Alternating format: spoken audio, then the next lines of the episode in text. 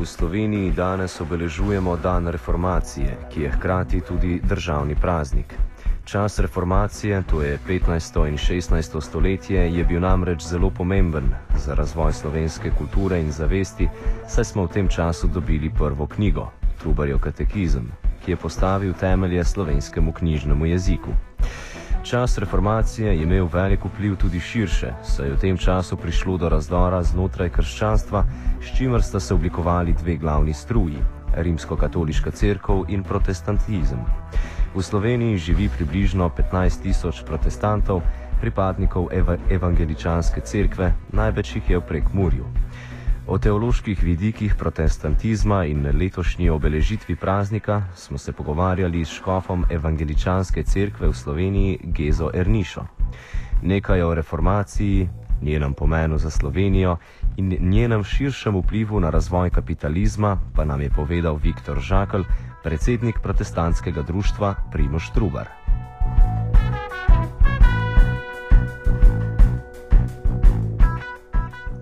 Geza Erniša nam je pojasnil, kako so izpeljali slovesnost na predvečer dneva reformacije, glede na to, da se je vlada v duhu vrčevanja odrekla financiranju proslave. No, zdaj, zdaj tu nekega posebnega komentarja nimam več. Ne, proslava je bila, proslava se mi zdi, da je bila tudi vsebinsko zelo bogata, da je bila priklon in poklon, da tako povem, slovenski reformaciji, da je bila eh, proslava tudi priznanje vsega tistega, kar so slovenski reformatori in evangeličanski duhovniki za slovenski narod naredili. In mislim, da je prav, da je ta proslava, da je ta dan državni praznik. Je pa res, da zaradi varčevalnih okoliščin vlada letos ni namenila eh, torej denarja za financiranje eh, te proslave. So se pa našli sponzorji, ki so pač to naredili. Jaz mislim, da je prav, da se neka kontinuiteta tega praznika in obhajanja tega praznika nadaljuje. Svoje mnenje o odpovedi državne proslave nam je zaupal tudi Viktor Žakl.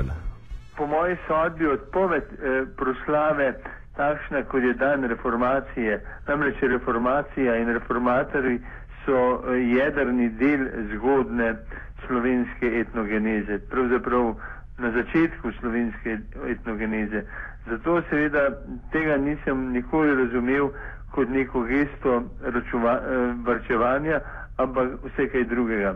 Posebno še zato, ker pa drugo, kot je 27. april, kakorkoli ga že vzamemo z vsemi datumi plus minus en dan, vendarle pomeni začetek organiziranega odpora proti nacifašizmu in temu se na nek način odpovedati, pravzaprav, ki je že v zavesti ljudi, se mi stališča vlade, ki ima kaj drugega početi, ne zdi posebno modro početje.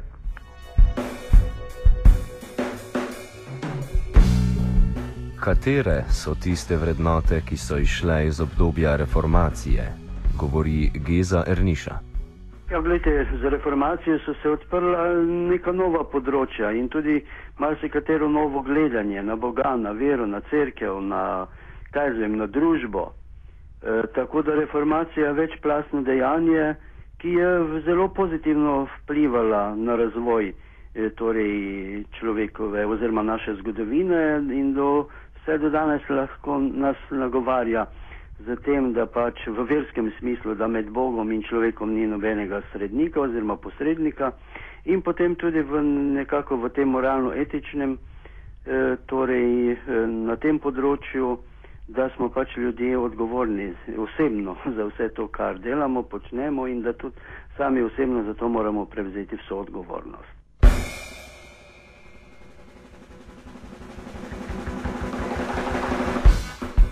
Kateri je tisti temeljni zasuk, ki je posledica reformacije, je pojasnil Viktor Žakl.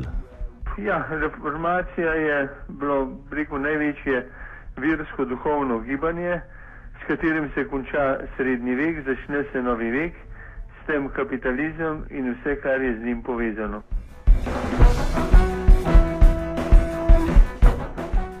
Kaj so bili tisti ključni elementi, ki jih je prispevala reformacija za razvoj kapitalizma? Viktor Žakl. Srednji vek je imel dobro, najlažje razumljeno omejitev gibanja. Eh, sužen oziroma eh, prej sužen, potem pa eh, tlačan, je bil vezan na zemljo in je bil skladi z zemljo, eh, rekel, lastnina gospoda. In ta seveda ni mogel slediti eh, gibanju delovne sile, če tako rečem. Seveda, s tem, ko se je posameznik eh, v, v reprezentantizem osvobodil, je ta delavec postal, danes bi rekli, fleksibilen. Je lahko sledil popraševanju po delu in se je lahko selil. Ne? To je seveda bistvo stvari. Ne? Ker bistvo kapitalizma je pravzaprav kako nekako povezati resurse, naravne, človeške in druge, da ustvariš neko vrednost. Ne? Ta vrednost se potem na trgu verificira ali ne verificira in to pravzaprav odrazi dejansko ali pa neko navidezno vrednost. In človek v tem sistemu postane pravzaprav proizvodni tvorec, tako kot narava, kot kapital in to je tisto, kar seveda je pognalo kolesje eh, naprej. Ne? In seveda, tudi če gledate statične podatke, od 16. stoletja naprej narašča število prebivalstva, narašča obseg tako zvanega družbenega proizvoda in od takrat dalje se začno izrabljati energenti, najrazličnejši, ki nadomestijo človeško silo. Ne? Človeška sila je omejena v svojem delovanju, s tem pa, ko ti upelješ premog, kasneje nafto, povečaš poten, energetske potencijale in seveda s tem tudi količino produkta, s tem rast in, kot so mislili, tudi razvoj.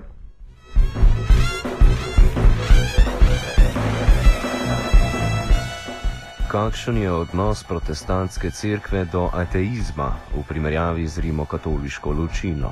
Geza Erniša. Glede, vsak človek ima pravico, eh, da si voli, tako povem, eh, nekako prispodobno, da si prosto voli vero, postavo in pot. In vsak človek ima pravico na tem svetu, da si tudi po svojem lastnem prepričanju izbere eh, to, eh, ali bo svoje življenje prakticiral, eh, torej v tem verskem smislu v neki cerkvi ali ne bo, eh, in tudi svoj odnos do Boga. Eh, pač imamo pravico, da se definiramo tako, kot, kot si eh, to eh, mi sami mislimo, da je prav. Ne? To je ta človekova svoboda ki pa je vedno znova tudi pogoj, pogojena, da tako povem, za svobodo drugih ljudi. Torej, to, kar jaz verujem, to, kar je jaz, moje prepričanje ne sme in nikoli ne more biti potem neki pogojevalnik v nekem imperativnem smislu, da tako morajo početi tudi drugi.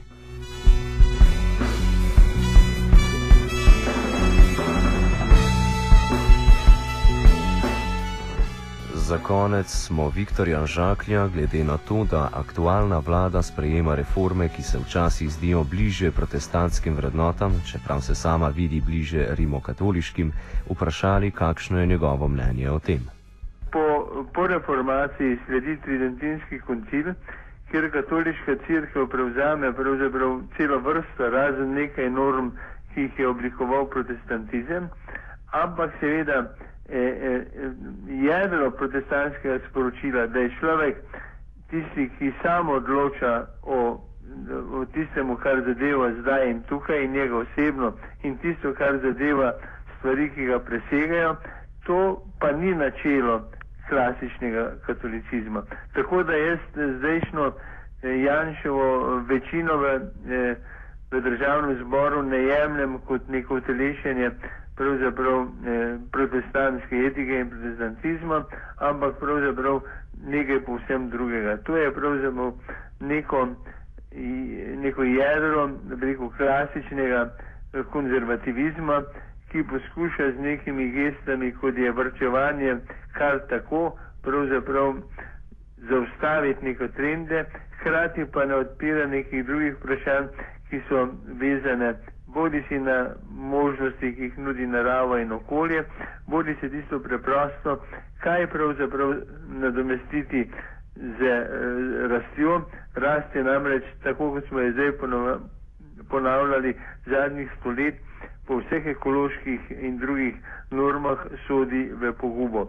In človeštvo je predvsem, da se reformira in da nekatere norme, ki so stoletja veljale, preprosto v omejenih naravnih virih in tako naprej ne veljajo več. Tako da jaz eh, veliko to vlado, eh, veliko po etiki protestantizma, po klasiki protestantizma, po fundamentalnosti sprememb ne jemljem kot re, veliko reformistično, ampak bolj kot ponavljajoč nekatere geste velikega sveta, ki so pravzaprav zgolj nek marš v preteklosti in ne odpirajo prihodnosti.